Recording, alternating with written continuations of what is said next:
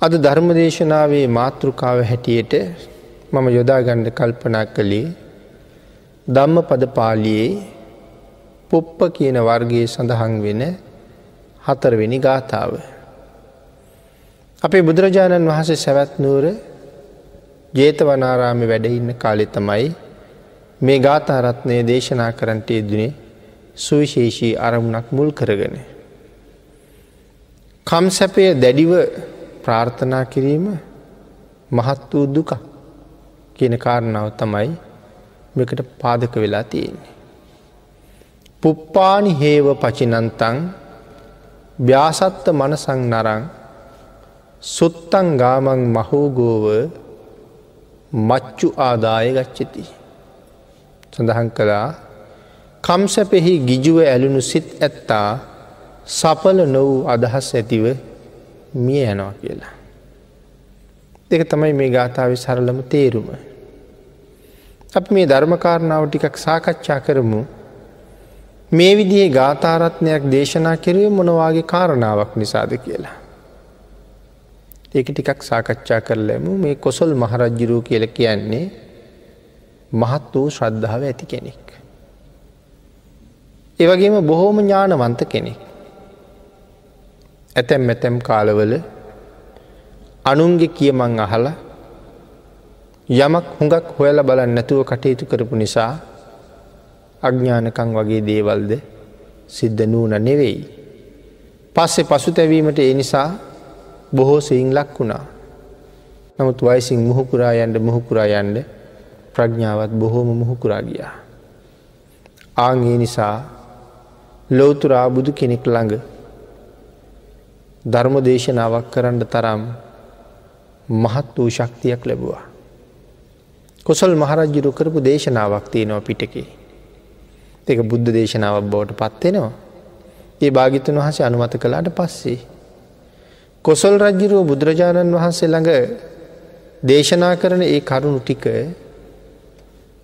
එක ඇලපිල්ලක් ඉස්පිල්ලක්වත් භාගිතුන් වහස වෙනස් නොකර මහා සංඝයට කියනවා මේ කාරණා ටික මේ විදිහටම පිළිගණ්ඩ කියලා. ඒ සූත්‍රයේ තියෙන මජ්‍යම නිකායි. ඒ සූත්‍රය හඳුන්වන්නේ දම්ම චීතිය සූත්‍රය කියලා. ඉතින් රජ්ජුරුව කරපු ඒ ප්‍රකාශයන් ටික භාගිතුන් වහසේ හරි කියලා අනුමත කරපු ගමම්ම ඒක බුද්ධ දේශනාවක් හැටියට තමයි සඳහන් වෙන්නේ. ඉතින් ඒවාගේ මහා ප්‍රඥාවන්තයි ඒවගේම හරි ශ්‍රද්ධාවන්තයි. මුලින්ම රජ්ජුරුව එහෙම සම්බන්ධතාවයක් තිබුණ නෑ ඇතුනුරුවන් එක්ක. එක දවසක් ගුඩු මහන් තලාව ගිහිල්ල බලනකොට භික්‍ෂූන් වහසල දස් ගනන් වඩින අනුවර වීදී. කොහටද මෙච්චරම සංඝයා වඩින්නේ. හොයල බලහම විශාකා මහු පාසිකාවගේ ගෙදරට අනාත පින්ඩිකි සිටිතුමාගේ ගෙදරට දස් ගනන් දානයට වඩිනවා. දෛනිකවම මේ ගෙවල්වල දන්සැල් භික්‍ෂූන් වහසල වෙනුවෙන් නැති බැරි අය වෙනුවෙන් ආහාර පාන පිළිගන්නනවා. රජ්ජුරු කල්පනා කලා ඉතින් රටේ රජ්ජුරු මමනී එන මාලිගාවටත් වඩින් දෙපෙයි. බුදුරජාණන් වහසේ මුණ ගැහෙන්ඩිගේ ආරාධනා කළා. ස්වාමීනියම් මාලිගාවත් හැමදාම දානයට වඩින්ට කියලා. බුදුරජාණන් වහන්සේක ආනන්ද ස්වාමීන් වහසට පැවරුවා. උන්වහසේ නිසි වෙලාවට භික්‍ෂූන් වහසල එක දානට වඩනවා. මුලින් මුලින්නම් හොඳට දන් දුන්න. පස්සෙ පස්සේ රජ්ජිරුව රාජකාරි කටයුතුවලට ගියහම රජ්ජිරුවන්ට ඒ ගැන හොයල බලන්න අමතකුණා. ඒ නිසා දැසි දස්සන්ගේ දම් පිළිගැන්වීම එතරන් සාර්ථක වුන්නේ. භික්‍ෂූන් වහසල දවසින් දවස දවසින් දවස කොසල් මාලිගාව දානට වඩින එක අතැරිය. අන්තිමට පන්සේ දෙනෙකුට හදාපු දානය වලදන්ඩ මාලිගාවට වැඩිය ආනන්ද ස්වාමීන් වහස විතරයි. ඒ කාරණාව පදනම් කරගෙන කොසල් රජ්ජුරු ගිහිල්ල බුදුරජාණන් වහසට සඳහන් කළා. ස්වාමිනි පන්සීකට දානීව එක නමයි වැඩී කියලා. භාගිතුන් වහස දන්නව සිද්ධියමකක්ද කියලා. නමුත් ඉතින් රජමාලිගාව තින අඩුපාඩුව ගැනමුකුත් කීවෙත් නෑ. මහරජය ඔබත් මගේ ශ්‍රාවකයනුත් අතර නිසි අවබෝධයක් ගැලපීමක් නැති නිසා එහෙම වෙන්ඩ ඇති. රජ්ජුරුමකක් දෙක පිළිගත්තේ. රජ්ජුරු කල්පනා කළා බුදුරජාණන් වහස සාක්‍ය වන්සේ. මම සාක්‍ය වන්සයට සම්බන්ධනය. එන මේ ගැලපීම හරියට ඇතිවෙන්ඩ නම් මාත් සාක්‍ය වන්සේට සම්බන්ධ වෙන්ඩුවන කියලා. සාක්‍ය කුමාරිකාවක් විවාහ කරගණ්ඩ කල්පනා කලා මොකද භාගිතුන් වහසේ දේශනා කරපු කාරණාව තේරුම් ගත්ත හැටි. එහම හිතල පණිවිඩයක් යව්වා. සාක්‍ය දේශයට පණිවිඩයක් යව්වා කොසල් රජ්ජිරුවන්ට සාක්‍ය දේශෙන් දුවක් ඕන කියලා. ඒවනට සාක්‍ය වන්සික කැමතිනෑ කොසල් රජ්ජිරුවන්ට දුවක් දෙන්න කරන්න දෙයක් නෑ රජ්ජිරු මහ බලවත්. ඒ නිසා තීරණය කළා දාසීකුවිය කුසින් ඉපදිච්ච දාස දුවක් අගම හිසී කරල දෙමු කියලා. ආං ඒ වෙලාවේ මේ මහානාම කියන සාක්‍ය රජ්ජිරුවන්ට දාව දාසීගිකුසේ පිළිසිඳ ගත්ත දැරියක් හිටිය වාසභකත්තියා කියලා හැබැ හරී ලස්සන රූපයක් තිබුණ. ඇය තමයි දැ රජ්ජිරුවන්ට විවාහ කරලා දෙන්නේ. හැබැයි රජ්ජිරු රාජපුරුෂයන්ට කිව්ව සාක්‍යයෝ කියල කියන්නේ හරි මාන්නාතිකයි. සාක්‍යයන්ගෙන් එහෙම ලේසියෙන් යමක් ගණ්ඩ බෑ මේ වගේ වෙල්ලි විදිහට ඇය හරියටම සාක්‍ය කුමාරිකාවද කියලා හොඳට විමසල බලට කිවා. එහෙම දෙනවා කියන එක ඒ තරම් විශ්වාස නෑ. තාත්තත් එක එකට කෑම කනවද කියල බලල එක්කෙන්ට කිවා. ඉට සැරගොල්ලු ගිහිල්ල කිවා. අපේ මහරජ්ජුරුව එක්කෙන්ට කීවේ තාත්තත් එක එකට ඉඳගෙන කෑම කනව දැක්කුත් තරයි කියලා. ඊට පසේ ඇය සරසගෙනැවිල් ඇත් එක මහනාම සාක්‍ය රජ්ජුරු ආහාර ගණ්ඩ වාඩි වුණා. රජුරු ඇත් එක ආහාර ගන්නේ නම තරගොල්ලන්ට ඒ විදිහයට පේෙන්ට සැලැස්වා. සලස්සල ඇය දුන්න දැඟරගොල්ලන්ට විශ්වාසයි. ඇයට උපන් දරුව විඩුඩබ. විඩුඩබ තරුණ වයසට එනකොට විඩුඩබ අහනවා අම මට කිරියම්මලා කිරියත්තලා නැද්ද කියලා. ඉන්න අපපුති ඒගොල්ලින් හොකක් ඇඇත. මේ පුතාට එහට යන්න දෙන්න ඇතුව ඉන්නමයි හදන්න මොකද වාසපකත්තිය දන්නවන මොකද වෙලා තියෙන්නේ කියලා. නමුත් මෙයා දිගින් දිගට මිල්ලීම් කරනවා. එහිද කලින් පනිවිඩයක් කැරියා විඩුලබ කුමාරය එනවා කරුණු කාරණ හොඳට දැනගෙන කටයුතු කරන්න කියලා. එකන අපේ තියෙන මේ තත්ත්වයන් යට දෙන්නට දෙන්න එපා කීවා. සාක්‍ය රජවරු විඩුලබ කුමාරය පිළිගත්තා. හැබැයි එයාට බාල කුමාරු රෝක්කම නගරින් අයින් කරලා තිබුණ මොකද දාසිගේ පුතාට වඳින්ට වෙයි කියලා. වැඩිමල්ලා විතරයි හිටියේ දුට වඳින්න වෙන්න ෑන ඉති හොඳට සැලකුවා. දවස් කීපයක් කිරියම්ම කිරියත්ත ගාවිඳල යනකොට මෙයාගේ එක ආයුධයක් බැරි වුණා. මගට ගිහිල්ල තමයි මතක් වුණේ. පස්සේ ආයුධය අරගෙන යන්ඩ තමන්ගේ සහචරය කෙව්වා. එයා ආයුධය ගෙනියන් දෙන වෙලාවේ අර කුමාරයා වාඩි වෙලා හිටපු පුටුව තව පිරිසක් හෝදනවා දාසිගේ පුතා ඉඳගෙන හිටපු පුටුව කියලා. ඒක දැකලා අර සහචරය ගිහිල්ල කීවා. මෙහෙම දෙයක් මන් දැක්කා. ඒ වෙලාව කේන්ති ගත්තා. කවදහරි මම රජවෙයි රදවෙච්ච හම සාක්‍යයෝ සමුල ගහතනය කරනවා කළ හිතුව කේන්තියට. කොසල් රජරුවන්ගේ රාජ්‍ය විරුඩබට පැවරුණා. බලෙන් අරගෙන දුන්න දීග කාරායනය. කෙසේවිතත් කොසල් රජ්ජිරු අම්බලමක මැරුණ දීගකාරායන්න අරන්දුන්න රාජ්‍ය විරුඩව කුමාරයා පවත්තගෙන ගියාලා බලවයිසි නමු ඉතින් තමන්ට ශක්තියාවට පස්සේ කල්පනා කලා එදා මට ලොකු අවමානයක් කිරුව සාක්කියෝ මන් සාක්‍යයෝ මරන්න ඕන කියලා. සේනා සංවිධානය කරගෙන සාක්‍ය දේශයට යනවා. පාගිතුන් වහසේ කාරණාව දැනගත්තා. පෙරමගට වැඩිය. භාගිතුන් වහන්සේ පෙරමග මුණ ගෙහිලා කරුණු කාරණා කතා කරලා විඩ්ඩපු කුමාරයා පහුගිය. දෙවනි දවසෙත් වැඩිය තුන්ගෙන දවසෙත් වැඩිය. හතරවෙනි දවසෙත් එනකොට භාගිතුන් හස බැලුව එකට හේතුවක් තියෙන්ඩුවනේ. ආං එදා දැක්කා සංසාරි කරගත් අකුසලයක් විපාක දෙන්න හදනවා සාක්කයන්ට. මොකක් දේ සසර කරපු අකුසලේ. බොහොම ඈත සංසාරය දවසක මේ විස සහිත වැල් වගේයක් තලලා මාළු ඉන්න වලකට දාලා. මේ මාළු අල්ලන්න කරපු උපක්‍රමයක්. අර වැල්වල තියෙන විස නිසා මාළු ඔක්කොම් මත්තවී උඩාව. ඒ මාළු ඔක්කෝම ගොඩ දෙෙම්ම. පුංචි පුංචියව් මැරල ගිය. ගොඩ දපු කට්ටියත් මැරෙනවා. අර විස නිසා තමයි මාළු අල්ලන්න පහසු. ආං ඒ කරගත් අකුසල කර්මය තමයි මේ සමූල ගාතනය වෙන්න විපාක දෙන්න ලැස්ති වෙන්නේ.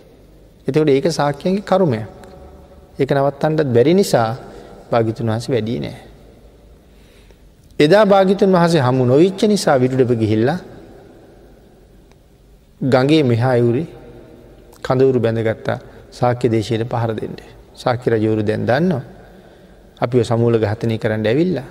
හැබැයි කවදාවත්ම සාක්‍ය රජවරු සත්තු මරන්නේ නෑ. දිවිහිමියෙන් සිල් රකින පිරිසක්. සාක්‍ය අය රකින සීලේ මොකක්ද අපිට නම් නිති පන්සිල්න්නේ නමුත් භාගිතුන් හස සාක්‍යයන්ටත් පන්සිල් රකිට කීවද නෑ සාක්‍යයන්ට පන්සිල්ලින් සෑහෙට දුන්නේ නෑ. ඒගුල්ලන්ගේ සීලේමකක්ද එගුල්ලු නිති අටසිල්. අපිට නිති පන්සිල් සාක්‍යයන්ට නිති අටසිල්.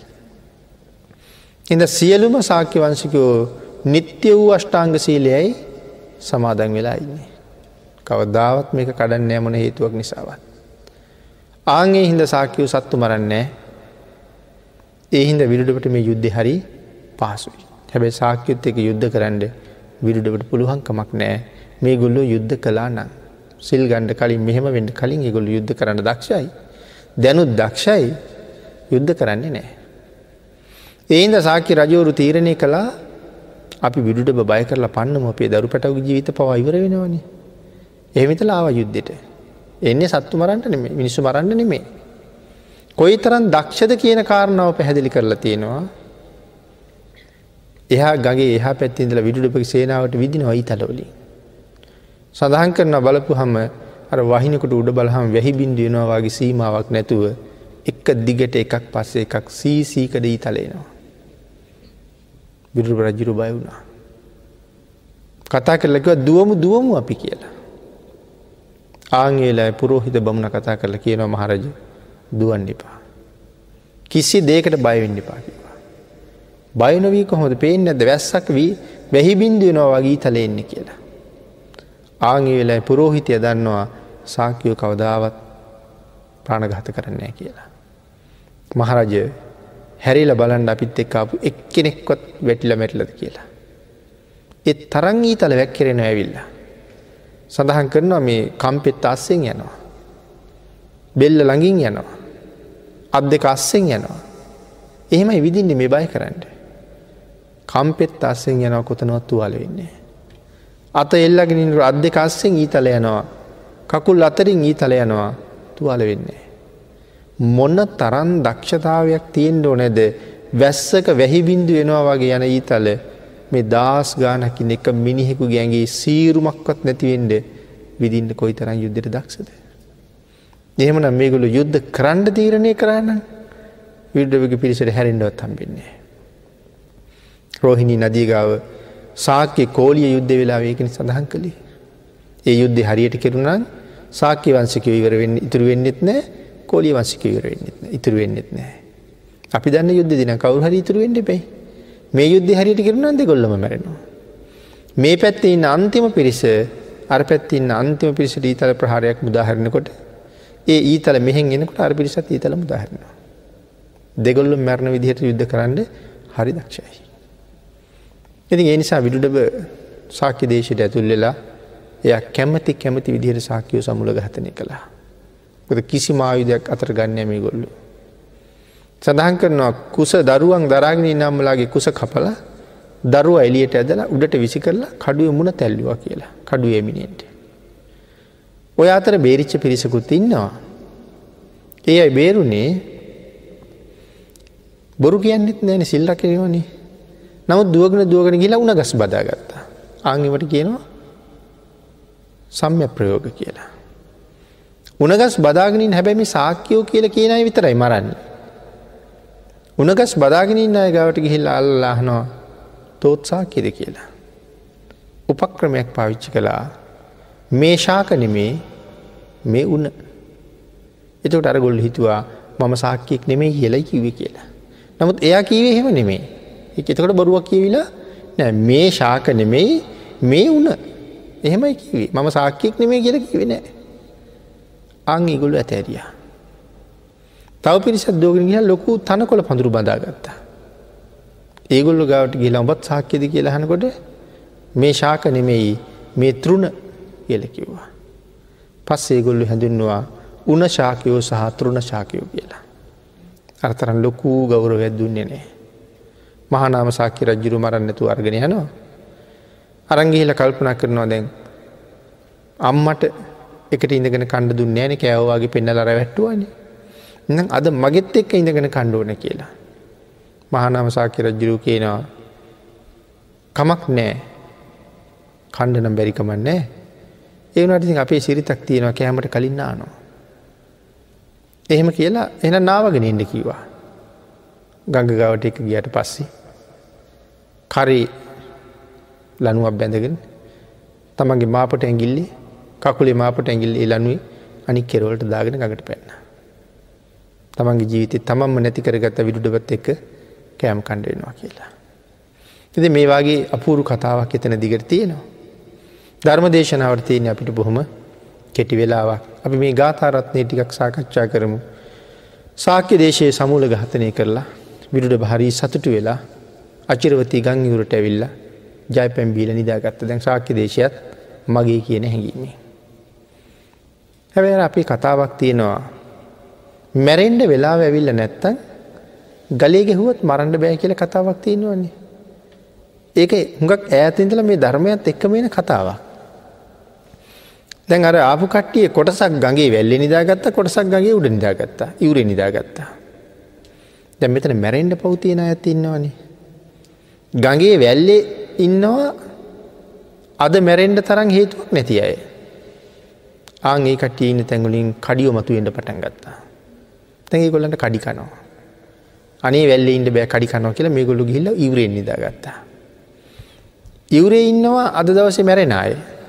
ඒගොල්ලො ගවත් කඩි මතු වුණා.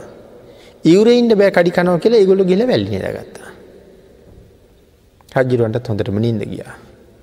අචිරවති ගඟ මහර ඇදෙකුට තලාගෙන ගලාගෙනවා. ගගේ වැල්ලි නිදාගෙන හිටපු සියලු දෙනාම රජ්ජිරුවත් එක්කම අර්ගනය අන්ඩ ගියා. සාගරයටම ගෙනනිච්චා. ගොඩ වෙලා හිටපුයි බේරුණා. බුදුරජාණන් වහසර මේ කාරණාව ආරංචි වුණා. ආංගේ වෙලා ඇත්තමයි මේ මේ ගාථාව භාගිතුන් වහස දේශනා කළේ. පුප්පානි හේව පචිනන්තන් ව්‍යාසත්ත මනසං නරං සුත්තංගාමම් මහෝගෝව මච්චු ආදාය ගච්චති. පුප්පානි හේව පචිනන්තන්. පිනතුන මේ මල් නෙලල ප්‍රැස් කරන අය. මල් නෙලාගණ්ඩ මල්ලු යනට ගියහම ඒගොල්ලන්ට හිතාගණ්ඩ බැරුව යනවා මොන මල්ද නෙලන්නේ කියලා. ඇයි හැම ගහේම ලස්සනට මල් පිපිලා. මේ ගහගාවට ගිහිලා වටට කැරකිලා අනි පැත්ත බලන්නකොට නෑ ඊට වඩා අර ගහහි මල් ලස්සනයි. එතන ගිහිම් බලන්නකොට තව ගහක මල් ලස්සන හිතන්නක අක්කර ගානක් මේ විදිහට මල් පිපිල තියෙනකොට මෙයාට හරි අමාරුයි මල් තෝරන්ට.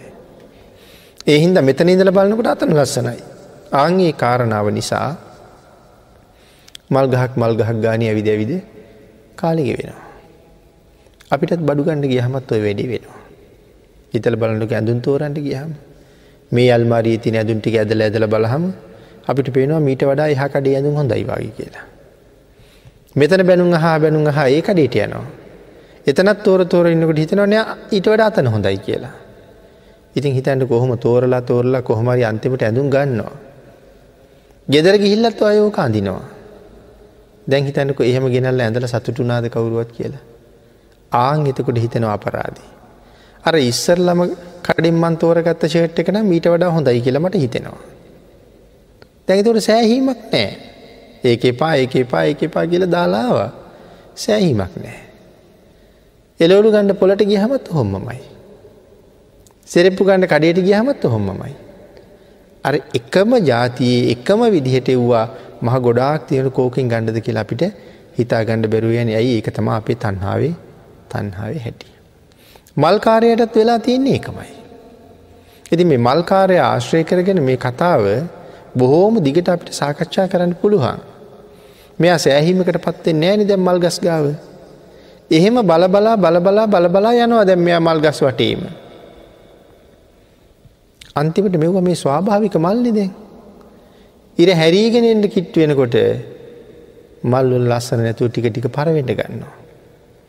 දැ මෙයට කාලෙ හුඟක් පහු වුණා දැම් මල් කඩාගෙන ගෙදර ගිහිල්ල මාල හදාගෙන කවද්ද පොලට යන්නේ මල් මාල විකුණන්ඩ. එතකොට පොලට යනකොට දෙක තුන වෙනවා. එතකොට මල්වල පෙති කඩා වැටිලා. ඒ මල් මාල එල්ලා තිබ්බට වැඩියෙන් කවුරුවත් ඉල්ලන්ඩ එන්නේ ඉල්ලන්ඩ එන්නේ නෑ. ලොකුමිලකට විකුණන්ඩත් බෑ දැබාටක තන්හාාව හින්ද වෙච්ච දෙයක්. තැඟතට ඔය කාරණාව තමයි පින්නතින අපිටත් වෙලා තියෙන්නේ. භාගිතුන් වහස මෙතන ගල පණ්ඩ හදන මේ අපූරුවට. තැන් ඔබයි මමයි. මෙතනදී ඔබත් මමත් අපි ඔක්කොමත් මල්කාරයෝ. එතකට කෝ අපේ මල්වත්ත. ඒක තමයි අපි ඉපදිලා ඉන්න මේ සමාජය. මේ ලෝකෙ තමයි මල්වත්ත. මේක මල්වත්තන මම මල්කාරයෙක් නම් කෝ මට කඩන්න මල් ආං ඒකට උත්තරයක් භාගිතුන් වහස දෙනවා. මේ ලෝකෙ හැම්ම තැනම පංචකාම කියන ගස්වල මල් පිපිලා. ඇහැපිනවන දේවල් කණපිනවන දේවල් කයපිනවන දේවල් නහය පිනවන දේවල් දිවපිනවන දේවල් හැම්ම තැනම තියෙනවා. ආං ඒක හින්දා අපේ ජීවිතවල නිමාවක් නෑ. යමක් හම්බ වනාට එකතු කලාට අරගත්තට රැස් කලාට අපිට ඇති වුණේ නෑ. ඒ නිසා සුමානයෙන් සුමානට මාසිං මාසට මාස පහෙන් හයින් පහෙන් හයින් මාරු කර කර මාරු කර කර ද මීට වඩා අලුත් එකක් ඇවිල්ල තියෙනවා ඊට වඩා අලුත් එකක් ඇවිල්ල තියෙනවා ද මීට වඩා හොඳ එකක් ඇවිල්ල තියෙනවා මෙහෙම කී කිය මෙහෙම කී කිය තැන් අපි ඒ උස්සේ යනවා. චූටි චූටි වෙනස්කං වෙවී එවත් අලුත් අලුත් තිර ඇවිල්ල තියෙනවා. හැබැ චූටි චූටි වෙනස්කං වුණාට මිලෙන් ගොඩාක් අධික වෙලා. දැඟතකොට එව්ව ගණ්ඩ අපිට මිල මුදල් ඕනේ. ආගේ හින්දා අපි මුදල් හොයන්ඩ සීමාවක් නැති මහාර්ගලයක යෙදිල ඉන්නවා. එකට දවල් කියල ප්‍රශ්නයක් නෑ රෑ කියල බේදයක් නෑ කෑවද බීවද කියල බේදයක් නෑ අසනීපද කියල කාරණාවක් නෑ හැම එකක්ම සම්පූර්ණ කරගණ්ඩ මුදල කියනේ මේ දරවි හොයා ගණ්ඩ ඕන වෙච්ච නිසා රෑ දවල් නැතුව අපි විහිසෙන පටන් අරගෙන තියෙනවා. ආන්ගේ අවශ්‍යතාවවල් ටික සම්පූර්ණ කරගණ්ඩ ඕනේ. අරය ගත්තට වඩා අපිට ලොකු එකක් ඕනේ. එයාලට වඩා අපිට ලොකු ගයක් ඕනේ ඒගොල්ලන්ට වඩා අපිට හොඳ වාහනයක් ඕන මේ මේ සිද්ධිය නිසා අපිට බැරිවුණා ජීවිතයේ කුසල් දහම් රැස් කරන පැත්තට හැරෙන්ට. අපි එක්ක දිගටම යන්තරවාගේ හොයන්ට පටන් අරගෙන. ඒ එකිනෙකා එකනෙකා පරයමෙන් ඉහලට යන්ට. දැ ඔහොම ඔහොම කරගෙන යනකොට අපිත් වයිස ටික ටික ගෙවෙන්ට පටන් ගන්නවා. අපිට තේරුන්නෑ ඒක දැමට කොච්චර වයිසද කියලා. එක තේරුම්ගට අපි උත්සාහ කළෙත් නෑ. හැබ අපිට හොඳට මතකයි අවුරුද්දක් ගෙවිල් අවුරුද්දක් කෙනෙකොට හෙම නැත්තං අපි ගැන උපන්දිනී කියලා. ආංගි දාට හොඳට මතකයි. හොඳට මතක වුණාට මේ විඳගෙන යන දුක්කන්දරාව පිළිබඳු තේරෙන්නේ. විදින්න දුකක්. එක කොයි තරන් දුකක්ද කියන කාරණාවත් තේරෙන්නේ නෑ ඒ දුකම ප්‍රත්‍යක්ෂ කරගෙන විඳගෙන යනවා. අවුරුද්දක් ගෙවිල් අවුරුද්දක් ඇවිල්ල උපන්දිනේ දවසනකොට එදාට අපි ගොඩාක් සතුටේනවා. එදාට සාධ පවත්වනවා. මේ ආදී නොයෙක් දේවල් නටනවා ගයනවා වයන. මේ මම දුකභාරගත්ත දවස කියලා තේරුන්නෑ. මේ පංචස්කන්දය අරගෙන මේකට මොන තරන් ලෙඩ හැදෙනවද. ආංගේ සීමාවක් නැති අට අනුවක් ව්‍යාදී නවානුවක් රෝගවලින් පිරිච්ච. ඉතාම පිළිකුල් සහගත රෝගත් හැදෙනවා. හරි භයානක රෝගත් හැදෙනවා. හිතන්ඩවත් කැමති නැති ආකාරී රෝගත් හැදෙනවා. එවන් වූ පංචස්කන්දයක් දරාගෙන ඒක මට ලැබිච්ච දවස ගැන සිහිපත් කර කර අපි සතුට වෙනවා. නමුත් හිතන්නකෝ අපිට පිළිකාවක් හැදිලා. අපි අවුරුදු දෙකක් ජීවත් වෙනවා පිළිකාව හැදිලා. මට හොඳට මතකයි පිළිකාව දැනගත්ත දවස. එතකොට දැන් ඊළඟ අවුරුද් දෙනකොට දැන් පිළිකාව මන් දැනගෙන අවුරුද්දයි. අහවල් අවුරුද්ධ අහවල් මාසි අහවල් දවස තමයි මං මේ පිළිකාවක් මට තියෙනව කියල දැනගත්තේ. දැම් මේ අවුරුද්දේ ඒ මාස ඒ දවස වෙනකොට පිළිකාව හැදිච්ච බව දැනගෙන අවුරුත්තයි. තැන් එදාටත් අපි කේක් කපනවද පිළිකාවක් හැදිලමට අවුරුද්දයි කියලා. එදාට කොයි තරම් පශ්චත්තාපයට පත්වෙනවාද. ඒ පිළිකාව හැදුනෙත් මේ කයටමයි. හැබැයි ඒ කයට හැදිච්ච එක පිළිකාවක්. නමුත් මේක එක රෝගයක්ද තියෙන්නේ ආංගීනි සාට අනුවක් ව්‍යාදී. නවානුවක් රෝග මෙහෙම පිළිකාවකුත් හැදිලා. ආහරින් වකු ගඩුවකුත් නරක් වෙලා ඒකට බොන බෙහෙත්වල සැරට. තවටිකක් බෙහෙත් බීගෙනවට ඒකෙන් අක්මාවත් ඉදිමිලා. මේ එක ප්‍රශ්නයක් හින්ද ප්‍රශ්න වැලක් හැදිලා. තැන් ඒ ඔක්කොම හම්බුනේ මේ උපාදානස්කන්දය හින්දා. ඒක ගැන කල්පනාවක් නැතු ඒක ඇති වෙච්ච දවසේ අපි සාධ පවත්වනවා. එනම් දුකෙන් දුක දකිින් ඕනේ. එතකොට මේක වැටහෙන්නේ. මේ උපාදානස්කන්දය හම්බවෙලා දැන් විඳින්නේ දුක. ඒ දුක ඇතුළි දුක හැම වෙලාමි දැක්කොත් අපිට මේක තේරුම් ගන්න හරි ලේසි. ඒක තේරුම් නොගෙන අපි දුක්ක සත්‍යය හොයන්ට ගියට අපිටික වැටහෙන්නේ වැටහෙන්නේ නෑ. එහෙනම් පංචකාම කියන ගස්වල හැමතැනව මල් පිපිල ඇස්පි නෝන දේවල් කම්පි නෝන දේවල් ඒවා වටේට අපි ඇවි දැවි දැවි දැවිදින්න අපේ කාලිග වෙනවා. දන්නෙම නෑ. දැන් හැබැයි එතකොට අර කයේ තිබිච්ච රෝගත් උත්සන්න වෙලා තියෙන්නේ. ආන්ගේ උත්සන්න වෙච්ච රෝග එන්ඩ එන්ඩ වැඩි වෙනවා. ඒ රෝග වැඩිවෙවි වැඩිවෙවි තියෙනවා දැම්මට පින් කරන්න පුළුහන්ද. දැම් මට සිද්ධ වෙලා තියෙනවා හරි හම්බ කරන එක පැත්තක තියලා රෝග ටිකට ප්‍රතිකාර කර කරන්නට. හිතනවා මේටික ඉවර වෙලා මේටික ඉවරලා මේටික ඉවරලා පින්කමත් දහමක් කරගන්නවා කියලා. නමුත් අය පින්කං දහන් කරන්න අපිට අවස්ථාවක් එන්නේ එන්නේ නෑ මේ රෝග හින්දා. එතකොට අර මල්වෙලින් දැටමොකද වුණේ එයා මල්ගස් වට ඇවිද ඇවිදිඳලා පරවෙන්ඩ එන්න ආසන්න මල් කරගෙන ගිහිල්ල විකුණන්ට හැදුවට එය කවදාවත් සතුටුනේ නෑ. ආංගේවාගේ මේ ජීවිතෙන් හැබෑ ප්‍රයෝජනයක් ලබාගෙන ලැබිච්ච ශ්‍රේෂ්ඨ මනුස්ස ජීවිතයක් උතුම් බුද්ධාන්තරයක් නිරෝගී වූෂණ සම්පත් එව පාවිච්චි කළ ප්‍රයෝජන ගත්තිනේ. සතුටුවෙන්ට පුළුවන් ජීවිතයක් ගොඩ නැගුවනේ. මැරෙන වෙලාවට හිතන්ඩ යමක් ඉතුරු කරගත්තිනේ. ආං ඒ හින්දා අපි මරණය ආසන්න වෙන්ඩ ආසන්න වෙන්ඩ දුක් වෙනවය පිළිබඳව. අපි ඇතින් අනුන්ට නොකිය අපි කරගත්ත බොහෝ වැරදි තියෙනවා. අපි හැමෝම ගව පෞද්ගලික වෙච්ච දේවල් තියෙනවා. එව කාටවත් කීවෙනයක් කියන්නත් බෑ. තැන් එව්වත් හිතට නැගිලා ඒ පිළිබඳවත් ලොකු වේදනාවක් තියෙනවා. කටයුතු කරගන්න බැරිවිච්චක් ගැන වේදනාවකුත් රැස් කරගත් අකුසල් පිළිබඳවත් දැඩි වේදනාවකුත් තියෙනවා. දැන් කාටවත් අපිට කියන්න දෙයක් නෑ අපේ ජීවිතෙන්. එනම් අපිටත් යම් දවසක මරණයත් එක්ක වයෝර්ධ වෙලා අසරණ වෙන්ඩ අසරණ වෙන්ඩ හිත හිතා සතුරුවෙන්ඩ පුළුවන් යමක් අපි ගව තියෙන් ඕනේ. අපි රැස් කරගත්ත යම් කුසල ධර්මයක් තියෙන්ඩෝනේ. ආංගේ කුසල කර්මයෙන් අකුසල කර්මයන් ඈත් කරගෙන සුගතිගාමී ජීවිතයක් හොයා ගණඩ පුළුවන් ශක්තිය මතු කරගණ්ඩ පුළුවන් උතුම් තැනක ඇවිල්ලා පිප දිලයින්නවා. මනුස්ස ජීවිතයක් හම්බ වෙලා බුද්ධාන්තරයක් හම්බ වෙලා. ෂණ සම්පත් හොඳටම ලැබිලා. ඒ විතරක් නෙමෙයි මේ ලෝකෙ බොහෝ මිනිසුන් අතර. වෙන වෙන අන්‍ය ලබ්දීන් පිළිගන්න ජාතීන් කොච්චර ඉන්නවාද. අපිත් එහෙම තැනක ඉපදුනාන අපිත් සදාකාලික මිත්‍යා දෘෂ්ටිකයි. නමුත් ඒ අයට වඩා වෙනම බොහෝ කුසල් රැස් කරගත්ත නිසා. අද එවන් තැනකින් මිදිල ඇවිල්ල අපි මේ සම්මාධිට්ටික තැනක ඉපදිලා. ඒ කියන්නේ බෞද්ධ යැයි සම්මත පරිසරයකට අපි ඇවිල්ලා. ආං එතෙන්ට එන්නමත් ලොකු භාගයක් තිබුණා නැත්තන් අපි මිත්‍යා දෘෂ්ටිකවමයි ඉපදෙන්නේ. අපි මිත්‍යා දෘෂ්ටික උන්න ඇහින්දා. දැන් ජීවිතයේ ජීවත් කරවන කාලය අපිට මිත්‍යා දෘෂ්ටික වෙන්ඩ අවස්ථාවන තරන් තියෙනවා. හැබැයි එහෙම නොවී ලැබිච්ච ජීවිතෙන් ප්‍රයෝජන ගණ්ඩුවන. මේ සංසාරෙන් එතරට යන්න ඔය සියලු දෙනාටම දවසක අවස්ථාවක් එනවා. හැබැයි ඒක කවදද කියල දන්නේ. එනිසා අනවරාග්‍ර සංසාරී තරන් දුක්ව නිඩ වෙනවා. මේ සංසාරි කොයි තරන්නම් භයනකද. අද අපේ යම්ම. ඊළඟ භවේ ඇය වෙනම හම්බ වෙන ඇය ඇය මු ඇත්තියක් වෙනවා. පුතා කොටියෙක් වෙනවා. එදාට අම්ම මරාගෙන කනවා. එහෙමයි මේ සංසාර ගමන හැටි.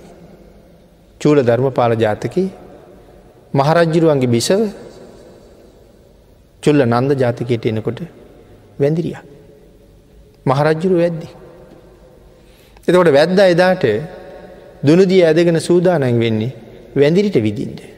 එදා බිරිඳ අද මරාගෙන කණ්ඩ ලැස්ති වෙන්නේ ඒ බිරිඳමයි. රජ්ජුරුව වැද්දෙක් වෙලා බිරිඳ වැඳිරියක් වෙලා. මේ සසරි හැටි. ඉතින් එහෙම අද අම්ම කියන කෙනා කී කාලයක් ඔබයි මමයි මරාගෙන කණ්ඩ ඇත. ඇය මමත් කණ්ඩ ඇති මම ඇත් කණ්ඩ ඇති. එහෙම ගෙවීගෙන යන සංසාරික රැස්කරගත්ත මහ කුසල සම්පත්තියක් නිසයි මේ ජීවිතය අපිට හම්බුණේ. ඔය අතර සතර අපායේ අපි කොයි තරං නිරේවල්වල ප්‍රේතලෝකොල ඉපදිලා අනන්ත දුක්විදිින් ඇද්ද. මෙවන් උතුම් තෝ තැන්නකට ඇවිල්ලා ආයත් ජීවිතය පල්ල හැට ගලාගෙන යන තැන්ට පත් කරන්න පුළුවන්න මේ බුද්ධහන්තරයෙන් අපි ලබාගත්ත දෙයක් නැතු යනවා. ආං ඒ නිසා ශ්‍රේෂ්ඨ බෞද්ධයෙක් වෙන්ඩ පුළුවන් සම්මා දිට්ටික ජීවිතයක් ලබාගත්ත අපි. මරණාසන්න වෙනකොට නිකම්ම හිස් අතින් මැරෙන් නැතිවෙන්ඩ. අඩුම තරමේ තමන්ගේ හිතින් අපෙන් වෙන කවරුවත් ඇවිලමකුත් අහන එකක් නෑ නමුත් අපේ හිත අපෙන් ප්‍රශ්නයක් අහනවා. උඹ මිනිහෙක් වෙලා නිරෝගි පුද්ගලයෙක් වෙලා බෞද්ධයයි සම්මත පවුලක ඉපදිලා මොනොදම කරගත්ති කියලා හිත අපෙන් ඇහු එකට දෙන්න හොඳ උත්තරයක් අපි ගව හදාගෙන තියෙන්ට ඕනෑ. ආන්ගේ සඳහා අපි හැමවෙලාම හිත්යොමු කරන්න ඕනෑ. ඒ සඳහා මේ ජීවිතය හොඳ මෙහෙයුමක් තියාගණ්ඩ ඕනෑ. එදාට ජීවිතය ජයග්‍රහණය කරපු පුද්ගලේ. පංචකාම සම්පත් දවසින් දවස දවසින් දවස අපි නොහිතන පැත්තෙන් දියුණු වෙවී දියුණු වෙවියෙනවා. එක තමයි මාරයගේ ලෝකෙ හැටි. මාරය මේ දේවල් නිර්මාණය කරලා තියෙන්නේ අපි මෙතන ඇදල බැඳල තියාගණ්ඩමයි. නොයෙක් උප කරන නොයෙක් දේවල් ඒ සඳහාමයි. විද්‍යුත් උප කරන තියෙනවා. ඒ බොහෝම පහසුකං අපිට සලස්සලා තියෙනවා. ඒවගේ බොහොම අපිට ප්‍රයෝජන තියෙනවා හොඳ පැත්තට. නරක පැත්තටත් ඒ වගේම ප්‍රයෝජන තියෙනවා. හොඳ දෙයක් ඇයි පිල්ලං ගහන මොහොතකින් අන්තර්ජාලය වගේ දේවල්ලින් අපි ලබා ගන්නවා වගේම ඒ ඒ ඒ මොහොත්තෙම ඒ විදිහටම නරක දෙවුලුත් ඒ ඔස්සේ අපිට ගලාගෙනෙන්ට පුළුවන්. ඒක ඇතුළේ සතරපායට අන්ඩ ඕන්න දෙවුලුත් තියෙනවා සුගතියට අන්ඩ ඕන්න දෙවුලුත් තියෙනවා. අපි පංචකාමයට හරි බරයි සත්‍යයා ස්වභාවයෙන්ම කාමයට පාපයට රාගයට බර නිසා අපි වැඩියෙන් මැදිල යන්න හොඳ පැත්තට නෙමෙයි නර්ක පැත්තට. එතකොට ඒකත් මාරයගේ ලෝකෙ තවත් එක ප්‍රතිඵලයක්. බොහොම ඉක්මං බොහොම වේගවත් හරි පහසුයි. හැබැයි ඒ පහසුව මේ ලෝක හුඟක් දේවල් දියුණු කරගන්න පහසුනා වගේ නිරේට යන මගත් බොහොම ලේසියෙන් පහසුවෙන් සම්පූර්ණ කරවන්න කටයුතු කරලා තියෙනවා. ඉතින් ඒ නිසා අපි ඔය ඕන දෙයක් ගත්තාම අපිගේම දුරකථනයක්ම කියලා. අද හොඳ දුරකථනයක් පාවිච්චි කරන කෙනෙ තව මාස කීපයක්යමට යට කියන මේ වර්ගය අලුත් එක ඇවිල්ල තියෙනවා. ය උත්සාහ කරන්න එතෙන්ට. ඊළඟට එහෙම ඊළඟට එහෙම. නමුත් ඒත් එක ඒත් එක්ක මේ අපේ ජීවිතෙත් අභාවයට අභාවට යන්න තින පැත්ත වේගෙන් වේගෙන් වැඩුවමින් පවතිනවා. එතකොට මේ මාරයගේ ලෝක නිර්මාණ මේ තියෙන දවසින් දවස දවසින් දවස අවශ්‍යතාවයට හරියන්ඩ නිර්මාණය වෙවියෙනවා. අපිට ලද සම්පට්ටිකෙන් සෑහීමකට පත්වෙලා. එයින් ප්‍රයෝජනාර්ගෙන අනික් පැත්තට අයිතුයි කියන කාරණාවට අපි ගමන් කරන්න නැතුව හැමවෙලාම පංචකාමය පැත්තටම බරවී බරවෙවීන්නවා. එනිසා මේකින් ගැලවෙන එක හරි අමාරුයි. නමුත් ප්‍රඥාවන්තයා වීර්යවන්තයා මනාව මේකින් එතරයන්ට එතරයන්ට උත්සාහ කරනවා. ්‍යාසත්ත මනසං නරන් එතන සඳහන් කරනවා ඇල්ලුණු සිතය කොහෙද ඇලුනේ පස්කම් ගුණෙහි මෙලිච්ච හිත. ්‍යාසත්ත මනසන් නරන් කිවේ එකයි. අපේ හිත හැම වෙලාම පංචකාමයට මැලෙනවා. අගේ නිසා භාග්‍යතුන් වහන්සේ දහම් දේශනා කළේ එහි ආදීනවීම දකිින්ට. අපි සඳහන් කලානේ ධම්ම චේතිය සූත්‍රය පිළිබඳව. ධම්ම චේතිය සූත්‍රය එක තැනක කොසල් රජ්ජුරුව බුදුරජාණන් වහස ළඟ කියනවා ස්වාමීනී මම දැකල තියෙනවා. අවුරුදු තිස් පහක් හතලියක් හතලිස් පහක් එක දිගට බඹසර ජීවිත ගත කරපු අය. අවුරුදු තිහක් හතලිහක් ගිහිල්ල ඒ ජීවිතෙන් මිදිල ගිහිල කාමුක ජීවිත ගත කරනවා. අවුරුදු තිහාදලියක් බඹසර වැැසුව. ඒ ඇන දැන්ගේ බ්‍රහ්මචරියාවෙන් ඒගොල්ලෝ සෑහිමිකට පත්වෙලාද. සතුටු වෙලාද දියුණු වෙලාද නෑ ඒතන ඉඳල තියෙන හිරගේක ඉන්න වගේ. තමන් සංගමයක් අරගෙන අර්ගෙන නෑ. ඊනකට අනි පැත්ත ගලපනවා. ස්වාමීනී මේ ශාසනී මම දැක්කෙ නෑ එහෙම පිරිසක්. නිත්‍ය වශයෙන් සැබෑවටම සිල් සමාදන් වෙලා. හරියටම බ්‍රහ්මචරිය සීලය ආරක්ෂා කරගෙන පෝෂණය කරගෙන සංසාරයෙන් එතර යන්ඩ පාර හදාගෙන සසර බිය දැක දැක ජීවත්වෙන පිරිසක් මං මේ ශාසනය තුළ ස්වාමිනිස් දැක්කේ. ආගේන පිනතිනේ ගිහි ජීවිතය ඇතුළේ බොහෝම කරදරකම් කටලු එමටයි. අපි ඒක දන්නවා.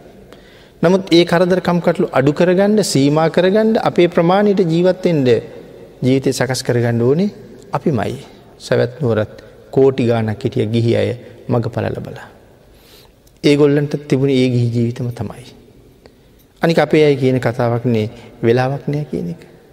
එදා ඒ මාර්ග පලලාබීන්ටත් තිබුණේ මේ පැවිසි අතරම තම ඒ කාලෙ දවස මීට වඩා දිග නෑ. මේ පැවිසි අතරමයි අද තියනෙත් ඒ පැවිසි අතරම තමයි හැබැයි ඒගොල්ලු කාලයක් තියාගත්ත ගුණ ධර්ම සම්පූර්ණ කරන්න. අපි පංචකාමේ රැස් කරගන්න තියෙන කාලෙත් අපිට මදි. ඒගොල්ලු ඒකත් කරගෙන ගුණ පුරන්ඩත් කාලයක් තියාගත්ත. ආං ඒටික ජීවිතය කළමනා කරණය කරගත්ත නැත්තං මැරණ දවසට අපිට උත්තරයක් නැතු යනවා. උත්තරයක් නැතුව මැරෙන් නැතුව හරි සතුටින් මරුවැල්න ගන්න පුළුවන් ජීවිතයක් පෝෂණය කරගණ්ඩ මේ ලැබිච්ච ශ්‍රේෂ්ඨ මනුස්ස ජීවිතයත් බුද්ධාන්තරයත් අපි සියලු දෙනාටම ආශිරවාදයක්ම වේවා කියල ප්‍රාර්ථනා කරන.